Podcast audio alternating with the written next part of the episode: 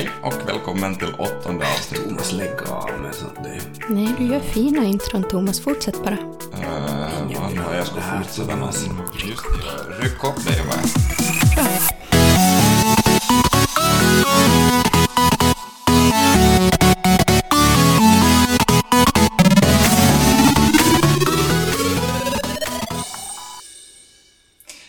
sagt, välkommen till åttonde avsnittet av vår podcast Tror du man i kyrkan. Eh, Med mig som alltid Jan Gustav Björk. Mm, det är jag. Och eh, har du återhämtat dig efter farsdagen? Ja, eller den snart farsdagsveckan. Jag har varit runt och föreläst kring boken och nu äntligen så kan jag äh, själv vara närvarande och inte behöva åka runt och säga åt föräldrar att de ska vara närvarande. Och åt mina egna barn får jag säga att tyvärr kan jag inte vara närvarande för jag ska berätta åt andra att de ska vara närvarande. Mm, så jag har landat. Du har landat. Skönt det är över. Ja, men gott så. Eh, vi gjorde historiskt avsnitt sist då vi hade med oss eh, Johannes och Daniel. Och eh, roligt att få fortsätta på det spåret. Och, Det ska det bli. Ja, och välkomnar också Rebecka Holmgård. Eh, berätta lite vem, vem du är och vad du gör till vardags. Tack. Eh, ja, Rebecka Holmgård är jag, född i Nykarleby men bor för tillfället i Helsingfors, där jag studerar. Lite allt möjligt. För jag har studerat språk i två år, men, eh, men nu för tiden så plockar jag kurser ur kandidatprogrammet för samhällsvetenskaper på Sossokom. Mm. Språk har du väl ändå alltid nytta av, än vad du Absolut, göra med? Mm. absolut. Ja, det tror jag.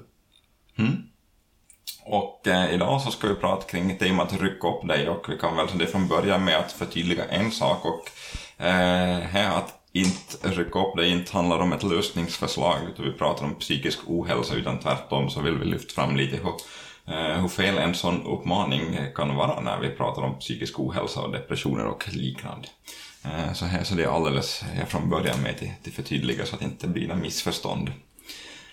Eh, Och eh, vi kan väl konstatera att du, du kom tågande upp till Österbotten i onsdags va? Och eh, du, vi får väl nog säga här att du är den enda gästen som har bemödat dig med att åta både tåg och bil för att kunna komma och medverka i vår podcast. Så det måste ju betyda att du, du brinner lite för det här. Ja, absolut, absolut. 500 kilometer. Ja. Tusen tur och retur. Eh, hur är det, eh, du har egna erfarenheter av eh, det här ämnena. Det har jag. Jag har gått igenom en hel del själv, men jag har också fått vara med då andra har öppnat sig för mig om sina erfarenheter. Eh, hur är det med dig då, Jan Gustav? Har du sådana erfarenheter? Mm, inte det som man kanske kliniskt skulle kalla för ångest sådär. Jag har haft eh, oro som har varit väldigt stark vissa perioder. Och det var den oron som faktiskt förde mig till att mm, jag lärde känna Jesus på ett personligt sätt. Men in, inte på det sättet som jag tror det definieras som enligt handboken. Om det finns något sånt. Om vi kommer till eh, temat, alltså rycka upp dig, eh, är det här någonting som du har fått hur mycket själv eh, som, som förslag? Så du har haft, haft sämre stunder?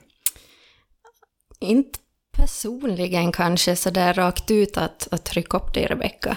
Men, men jag har nog upplevt att folk har velat säga det åt mig, men, men blanda in det i någonting annat. Eller alternativt att inte som har förstått då att det handlar om psykisk ohälsa, att det inte går att trycka upp sig. Eh, Men jag har hört andra som, som liksom rakt ut har fått höra att de skulle måste trycka upp dig. Säg. Hur har, har de personerna tagit det, den uppmaningen som de har fått då? Att rycka upp dig nu? Ja, det, det tar ont för att, för att vi skulle ju vilja göra det, absolut. Eh, eh, Alltså när man mår illa så här och har ångest så då vill man, man vill rycka upp sig. absolut, Okej. så är det. Ja. Mm, så, så hur känns då uppmaningen då? Man får den att rycka upp dig. Och det är det man vill, men kanske inte kan. Nej, det är ganska frustre- fru- frustrerande uh, då man, eh, man försöker säga det åt sig själv också emellanåt, att, att men kom igen nu, så här jobbigt kan inte vara, men det kan visst vara så jobbigt så, som det känns. Vill du berätta lite om, om din bakgrund och på vilka sätt du har kämpat så med psykiskt illamående? Uh, när jag kan spåra mitt eget psykiska illamående till, ända till barndomen när jag hade äh, magproblem och jag blev skilsmässobarn och, och en massa sånt. Men sen har jag också blivit mobbad och utfryst.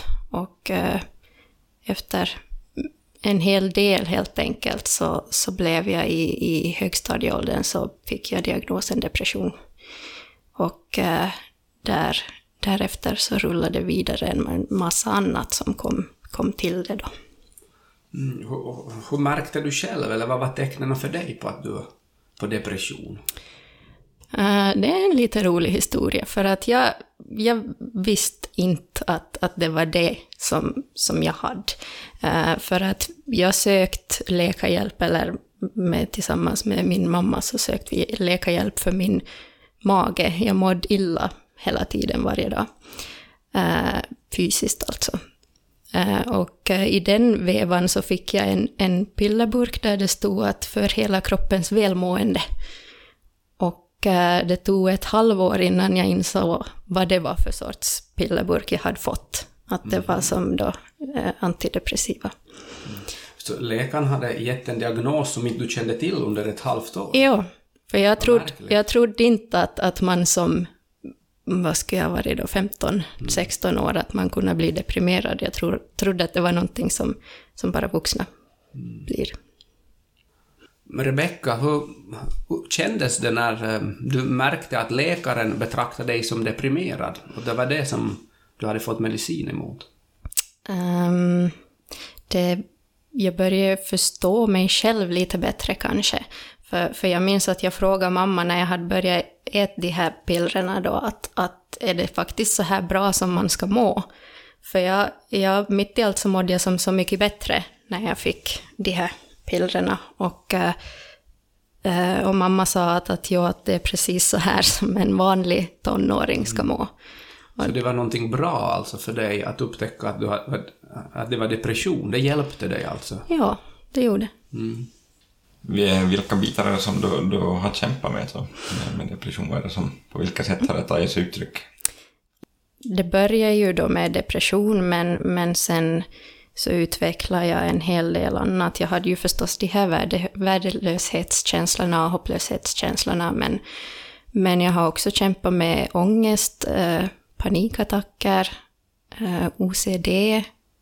Vad är OCD? OCD är sådana här tvångstankar och tvångshandlingar. Mm. Okay eh, självskadebeteenden och eh, självmordstankar. Och jag var väldigt nära att falla ner i en ätstörning också, men, men den upptäcktes ganska snabbt. Så att, Uh, det är tankar som jag fortfarande kan ha idag, men, men jag blev liksom aldrig uh, diagnostiserad som en ätstörningspatient. Eh, fick du som stöd då, alltså av, av, som du behövde? Att, Fanns det människor som kunde vara stöd för dig och, eller, och professionellt stöd? No, då när, när jag fick diagnosen från början så då hade det ju gått så långt redan så att jag borde ju ha fått det här stödet tidigare. Så att, att fastän jag då kanske fick eh, en hel del stöd så, så hjälpte det kanske inte så bra som det skulle ha kunnat göra om jag skulle ha fått det tidigare. Men, men jag, jag har absolut fått riktigt bra stöd. Eh, både från, från eh, psykologer och, eh, och andra människor som, som jag har fått. Hur ser ett sånt stöd ut? Att, uh, går du och träffar en person du pratar med, eller är det någon som kommer hem till dig? Eller är det familjen som får prata med någon? Hur funkar det? Uh, när jag har gått i terapi i, i olika omgångar uh, i Vasa, så att jag har varit en gång i veckan på terapi och, och däremellan också träffat läkare som har hållit koll på mediciner och sånt. Uh, sen har jag också gått vanlig psykolog, alltså gått på vanliga psykologbesök uh, och uh, mer samtalsstöd då alltså. Men så har jag också fått träffa andra människor som har gått igenom liknande och så har jag haft stöd i lärarna när jag gick i skolan så hade jag stöd i dem och jag har pratat mycket med Thomas eh, om mina, mina psykiska funderingar. Kompisar då? Var de ett stöd för dig? Mm, jag vågar inte berätta så mycket faktiskt åt dem. Um, många av dem visste nog att jag mådde dåligt, men det tog ganska länge innan jag faktiskt vågade berätta vad det handlade om. Mm. Men, men de har nog absolut varit ett stöd fastän de kanske inte har visste om att de har varit det. Att eh, de, de hade en stor roll bara av att, att umgås med mig. Mm. Eh, hur tog dina kompisar det när du berättade, eller de fick reda på att eh, du är deprimerad? Mm, man såg nog väldigt tydligt på vem som, vem som förstod vad det faktiskt handlade om och vem som inte riktigt visste hur de skulle ta det. Mm. Uh, men, men jag lät dem ta sin tid och jag sa att de får fråga vad de vill om de, om de har frågor och uh, återkomma också om, det, om de mm. senare kommer på någonting som de skulle vilja veta. Det låter som att du har väldigt proffs i ditt sätt att bemöta dina kompisar. Det låter som ja. handboksexempel. mm. uh, idag så upplever jag i alla fall att det är väldigt mycket ungdomar och speciellt flickor som lever med väldigt höga prestationskrav på sig själva. Att, att äh, får du inte en eh, äh, 9 eller 10 i betyg så är du, är du misslyckad. Äh, och har du kämpat med den här biten också? Är det någonting som du känner igen själv? Så är det absolut och det, där, där passar jag också in i den kategorin med, med prestationskrav och sånt. Eh, jag hade faktiskt en av de här, mina allra första panikattacker så hade jag under ett av mina första prov i gymnasiet. Ehm, då jag den hårda vägen insåg att, att eh, man kan inte vara bra på allt. Man hinner inte läsa på allt. Man hinner inte eh, upprätthålla alla de här niorna och tiorna i betyget. Och, äh, speciellt inte på sånt som man egentligen inte var intresserad av, för att, att jag trodde ju att jag måste vara bra då på allting. Mm. Och där ingick då till exempel det här fysikprovet då som jag skrev och insåg att jag kan inte nå av det här och jag fick panik av det och jag fick springa ut därifrån för att jag insåg att det här blir inte någonting. Det låter jobbigt. Man känner igen mig i de här prestationssyndromerna, men jag tror inte att jag har haft en panikattack. Att, kan du beskriva panikattacken, hur den känns i kroppen och hur man beter sig och hur man tänker? Mm. Uh, det är ju lite olika nog från, från person till person och jag, mina panikattacker så kan, kan också variera lite från gång till gång, men, men någonting som uh, så gott som alltid förekommer är ju den här extrema ångesten och eh, en massa olika känslor som, som egentligen krockar, som gör att man inte riktigt vet vart man ska ta vägen. Det får en sån där flyktkänsla helt enkelt, att man måste bort härifrån. Eh, jag hyperventilerar emellanåt och har andningsuppehåll eh, och har ofta ett tryck över bröstet och skakar en hel del. Mm. Så det du beskriver nu alltså symptomen på, på en ångestattack mm. som det kan ta sig för dig. Ja. Just det. Hur upptäckte du att det här är första gången att det var det här som det handlade om? Um, när den här första ångestattacken så, så visste jag inte vad det var som hände med mig faktiskt, utan det var först i senare skede som jag insåg att okej, okay, att det där var den där första jag hade. Uh, för jag, jag försöka bara som se bort från att jag hade jättemycket ångest och att jag kände den här paniken och att jag inte liksom kunde göra någonting åt den. Så jag sa bara att, att nej, jag är okej, att det är lugnt, att jag fixar nog det. Mm, medan, medan då andra såg att, att det är nog någonting som inte, som inte stämmer här. Hur ska man reagera då, om man misstänker att en person verkar ha ångest och sådär? Vad, vad är ett bra stöd? Uh, nu var det ju faktiskt Thomas som var med första gången jag hade den här, den här attacken. Så, så han, uh, det började med att han frågade om jag ville prata. Uh, eh, och jag sa nej, nej, det, det fixar sig. Uh, men han, under, under den här kvällen då så, så, så frågade han på nytt och på nytt att, att vill du prata om det här? Att jag ser ju att, du, att det inte är okej. Okay. och till sist så sa jag att, att nej, jag vill, inte, jag vill inte vara en börda för dig. Och då sa han okej, nu går vi. Och så, så följde jag med honom och så, så satt vi och pratade väldigt länge om, om allt möjligt.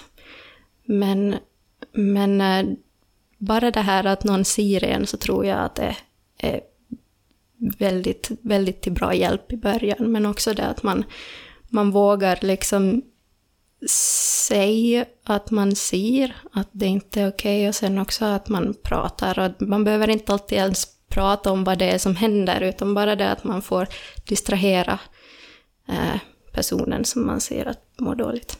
Mm. Rebecka, vad kan man göra själv då? Alltså, om man inte har några andra runt omkring en som stöder en och sådär. Hur ska man göra när man får det här panikångest? Att, vad är ett bra sätt? Um, det första man kanske behöver veta att, att fastän det känns obehagligt, fastän det tar ont, så är det inte någonting farligt som händer, utan det är bara en reaktion i kroppen. Alltså du menar bara insikten, man ska intala sig själv att det är det här som händer, så att man förstår det? Ja, eller bara vara medveten om det kanske. Att, och hur gör man sig själv medveten när man har den här panikattacken eller ångesten? Och... Ja, det är viktigt att man kommer ihåg att andas. Och eh, när, när man har panik så är det ju lätt att man, att man bara... Um, att man dras med i det helt enkelt. Med känslan? Ja. Mm. Men bara det att man, man då andas ordentligt. Vad är att andas ordentligt? Uh, några djupa andetag i en, i en lugn takt. Och uh, det finns olika andningsövningar som man kan, som man kan använda sig av. Till exempel att man andas in under fyra sekunder och andas ut under fyra sekunder. Och uh, håller andan fyra sekunder för att sen fortsätta med den här fyra sekunders regeln. Fungerar det för dig? Jag har inte övat på det tillräckligt bra, så för mig så fungerar det inte alltid, men, i, men emellan, emellanåt så fungerar det faktiskt. Mm. Om du jämför situation i, som du var då känns det som allra värst och eh, situation som du är i nu, eh, hur skulle du beskriva skillnaden? det är nog en väldigt stor skillnad. Jag har nog kommit väldigt långt på min, på min väg till återhämtning. Um, då när det var som allra sämst så då, då såg jag inte någon framtid överhuvudtaget, utan då var jag helt säker på att det här fixar jag inte, att det, det går inte. Uh, men, men det visade sig att det inte stämde. För att, att nu sitter jag här idag och uh, jag kan inte säga att jag skulle förklara mig frisk, om man ens vill använda det ordet, men, uh, men jag mår absolut bäst mot liksom, jag mår bättre än vad jag någonsin har gjort tidigare. Vad skulle du säga till någon som kanske upplever det här väldigt jobbigt nu och just tror att um, det inte ska någonsin komma ut ur det? Mm, det är en bra fråga. Uh, för att det är väldigt lätt att säga åt en sån person, men att det blir nog bra. Uh, men just det här med att det blir nog bra, så det, det har vi väldigt svårt att tro på i, i den här stunden. Uh, och jag märker att jag säger det också till andra nu för tiden, att det blir nog bra. men, uh, uh, men någonting som jag brukar fylla på i det är att, att säga att, att det blir nog bra. Jag vet att det inte känns så just nu. Men, och jag vet att det, det är jobbigt att höra det, men, men om, om de känner till min historia till exempel, mm. så då mm. kan jag som säga att, men att jag, jag, har, jag är som ett levande bevis på att det blir nog bra. Ja, just det, så då måste vi... Ska jag hänvisa till dig då? Jag har pratat med Rebecka och hon har varit det där och det känns inte som att det blir bra. Men det kan bli bra. Hon har varit med om det. Mm. ja, jag är nog en av många. Mm. Mm. Vilken roll har Gud haft för dig i det här? Um, om vi säger som så att, att det var i, när jag började, när jag hittade församlingen, så, så fick jag för första gången pröva den här tanken på att ingen vill ha mig, att ingen vill vara med mig. För att där så fick jag inse att, att hej, att det är någonting som, som går emot just den här tanken. För att det var första gången som jag hittade en, en, eh, en gemenskap som, som faktiskt ville inkludera mig.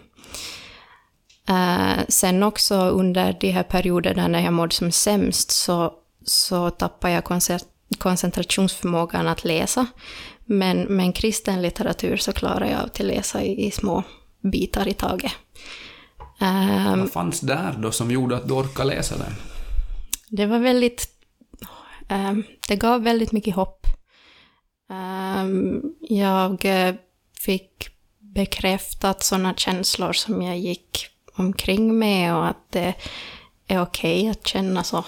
Och att, men att det finns någon som alltid ser och hör. Mm. Så det var lite samma eh, du upplevde som du själv säger till andra som har varit depression och ångest att liksom, det finns hopp, det finns ett ljus. Det var lite samma du upplevde genom att läsa eh, böcker som mm, visar på, på Jesus. Ja. Sen också när jag, en av de här perioderna när jag mådde som allra sämst, då jag funderade att, då stod jag faktiskt och valde mellan, mellan liv och död, att, att det kändes som att nu, nu finns det inte något mer jag själv kan göra. Så då, då minns jag att då bad jag till Gud att, att nu orkar inte jag något mer. Uh, nu ger jag mitt liv till dig, att ske din vilja, för jag orkar inte mer. Och det var i den, i den stunden som jag, som jag fick den här, min sång just som heter Ske, ske din vilja. Och, uh, och jag tog det som ett tecken på att, att det, det är okej att det känns så här, att det finns någon som bär mig när jag behöver bäras. Och eh, plötsligt så var inte döden ett alternativ mer. Spännande. Jag visste inte att du hade skrivit en sång. Mm. Var finns, får man tag i den? Hur kan man, när, var kan man lyssna på den? Den finns på YouTube. Rebecka Holmgård. Yes. Och sången heter? Ske din vilja. Den ska jag väl lyssna på. Ja, vi kan lägga till den som länk på vår hemsida vardagstro.com också i, i beskrivningen i, eh, vid podden också. Så. Eh, har du under den, de här situationerna har du varit arg och besviken på Gud? Jag läste faktiskt här bara för några dag, dagar sedan en gammal text som jag hade skrivit just när jag, jag mådde dåligt och där så hade jag för första gången erkänt för mig själv att, ja, att jag, är, jag är arg på Gud. Uh, det tog väldigt länge innan jag vågade erkänna det.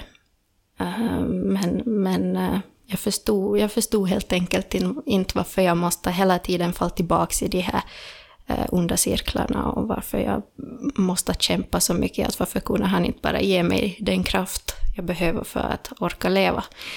Um, men idag är jag inte arg på Gud. Mm.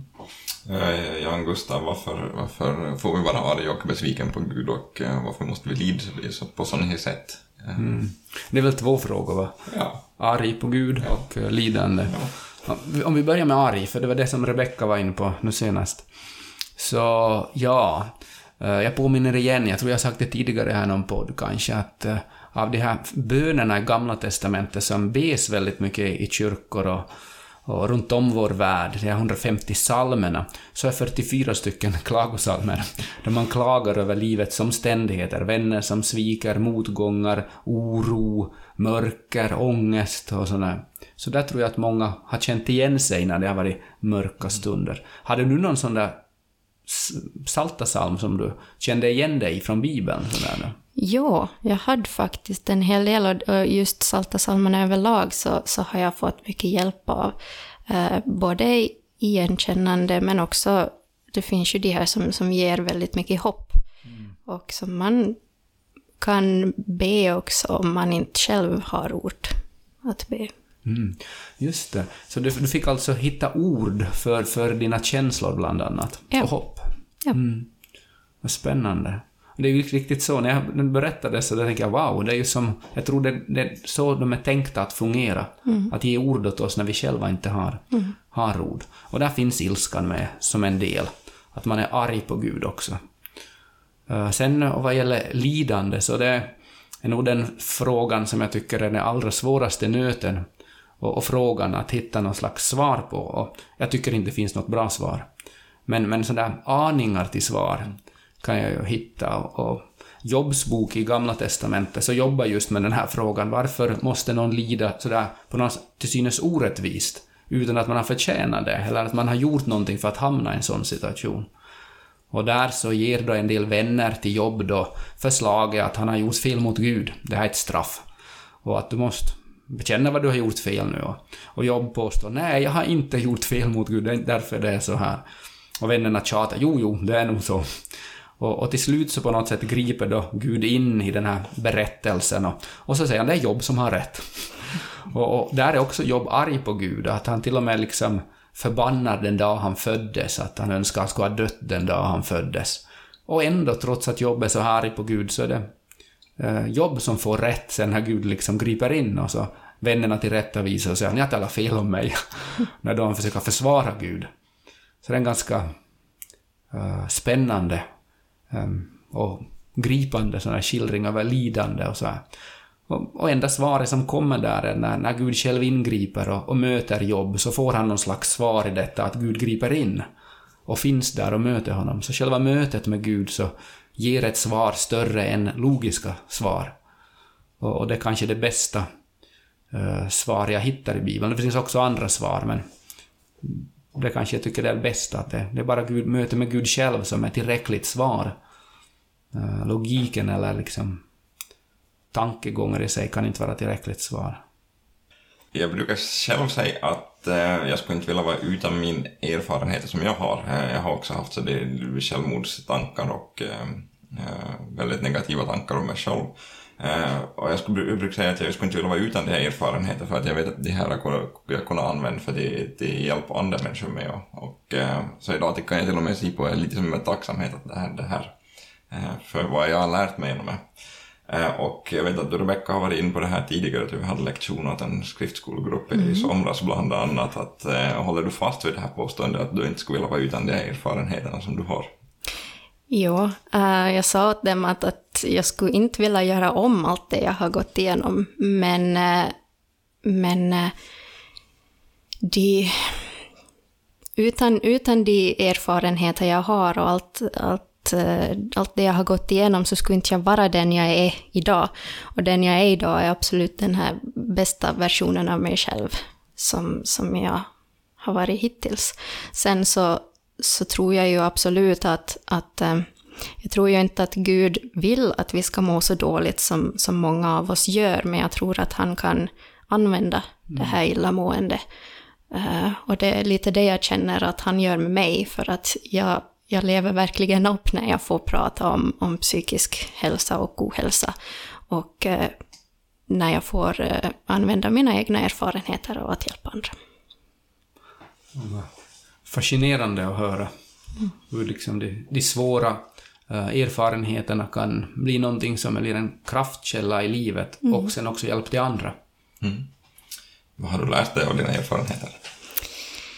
Eh, för det första det är att, att psykisk, psykiskt illamående är lika verkligt som fysiskt illamående, fastän det ofta ännu idag i dagens samhälle så, så ses inte de riktigt som, som jämlika, att, att man, man gömmer lite bort det här psykiska illamåendet. Men, eh, men mår man dåligt så mår man dåligt, att det är inte något mer med det och att det är väldigt väldigt verkligt. Men också det att, att um, jag tror ju inte egentligen att det finns några hopplösa fall. Uh, jag, jag måste fortfarande än idag ibland säga det åt mig själv att, att det finns inte några hopplösa fall, att det, det blir nog bra Rebecka, fastän det kanske inte känns så. Men, men med tanke på hur långt jag har kommit uh, igenom allt det här onda så, så, så börjar jag vara väldigt säker på att, att det finns alltid en väg ut ur det. Mm. Det låter hoppfullt. Ja. Vi har en del i podcasten som vi brukar, lite praktiska tips som vi brukar dela med oss av och eh, nu slänger jag ut den här frågan åt dig. Att vad, vad har du för praktiska tips med hur man kan hantera sin ångest och eh, ja, få vardagen att eh, hur man ska överleva vardagen i en sån situation? Mm. Uh, någonting som jag skulle vilja säga, som jag skulle vilja säga åt, åt den Rebecka jag var då när jag mådde som sämst, så är att, att lid inte ensam. Prat med någon. Uh, vem, det, det, spelar inte egentligen någon roll vem det är, utan bara, bara att man inte är ensam med den här ångesten. Uh, det finns så mycket fin hjälp man kan få. Men ensam är ju stark, det lär vi oss ibland, eller hur? Mm, men men det, det tror jag inte på. Mm. Absolut ja, inte. inte. jo, jag vet. Uh, men, men absolut, det, det, är en tanke som jag gick med väldigt länge, att, att när jag fixar nog det, att, att jag måste vara stark, att, att uh, det, det här fixar jag nog, jag behöver inte dra in någon annan i det här illamåendet. Men, men jag lärde mig att, att det, man gör inte, fastän man Fastän det känns som att man kanske drar med någon i sitt illamående så, så nu har jag ju sett båda sidorna. Nu har jag både varit den som har sökt hjälp och den som har fått hjälpa. Och, eh, och eh, det, det ger nog väldigt mycket när man får hjälp också. Att det, det handlar inte bara om att man, man tar från någon, utan man ger nog faktiskt också fast det inte känns så. Mm, en vän till mig brukar säga att när han har fått vara med och hjälpa någon så brukar han säga att han fick erfara hur kärleken från Gud tog omvägen via honom. Mm. Jag tycker det var väldigt bra formulerat. Ja. Att då ger man ju som, också den som söker då hjälp, så ger ju på sätt en gåva till ja. en, en annan att nu uh, får på något sätt Guds omsorg eller kärlek ta omvägen via dig. Mm. Jag tycker det var fint sagt, men det är inte jag som kom på det. Om det är någon som lyssnar på det här och tänker att oj, Rebecka, hon verkar vara en bra, bra person, henne vill jag prata med mera med. Hur får man tag i dig? Uh, lättast är kanske till, till gå via Facebook, som, som vi så många gör. Uh, där finns jag. Och, uh, men jag finns också på Instagram och YouTube, om man går den vägen. Rebecka Holmgård heter jag på alla ställen. och det är okej okay att helt enkelt kontakta dig om ja. man har någon fråga eller funderar på något? Absolut, mm. jag svarar på alla frågor. Mm. Eh, om du ännu skulle få säga eller sammanfatta så det kort eh, ett, någonting så det som du vill säga åt allihop som kämpar med psykiskt illamående eh, och vad de ska tänka på, vad skulle du säga? Jag, eh, jag skulle vilja säga att det blir nog bra. uh, för det blev det för mig. ja. uh, nej men just det här med att, att det är många som, som känner att det är ett hopplöst fall, att det här blir inte någonting. Och, och uh, det, jag har gått med det här så jättelänge nu så att eh, det, måste ju betyda att det, det, fixar inte sig helt enkelt. Men så, så tror jag verkligen inte att fallet är. Det kanske bara är att, att du inte har fått den hjälp du behöver eller du har kanske inte hittat den människan som, som äh, förstår dig. Um, så, så prata med någon. Um, gå inte ensam. Och uh, kom ihåg att, att det finns någon som alltid ser och hör. Och, och det är Gud. Mm. Tack Rebecka. Ja, tack. Tusen tack för att du tog tåg upp från Helsingfors och bil ända till Jakobstad för att vara med. och, uh, du har ju, har ju ganska mycket verktyg i din bak redan, men, men eh, ett litet tack ska du också få för, för, från oss för att du har varit med och poddat med oss och eh, får en verktygsback. Mm. Så du får en verktygsback. Varsågod Rebecka. Tusen tack. Och tack för att jag fick vara här. Nöje helt på vår sida. Eh, och eh, vi får väl också passa på att tacka för oss för i höst, Jan Gustav. Eh, vi har hunnit med åtta avsnitt sedan vi började. Tänka sig sådär. Ja, vem skulle ha trott, trott det? och eh, vad ska vi säga, vi, vi gör ett uppehåll nu eh, framåt. Eventuellt kommer vi med en liten julklapp i december. Men eh, jag tror vi kommer Den är hemlig som Ja, jag tycker det. Mm. Eh, men man kan hålla koll på, på det är ju all julklappar, men, men eh, hålla koll på Instagram och eh, Facebook så kanske man eh, ser mer om, om den julklappen senare. Eh, kommer vi att podda vidare i vår, Gustav? Mm. Det beror ju långt på dig, Thomas, för jag, det är ju du som poddar egentligen och jag är din ständiga gäst sådär. ja, men i så fall säga om Gud vill och vi får leva. Ja. Mm. Men tack för att ni har lyssnat i höst. Tack.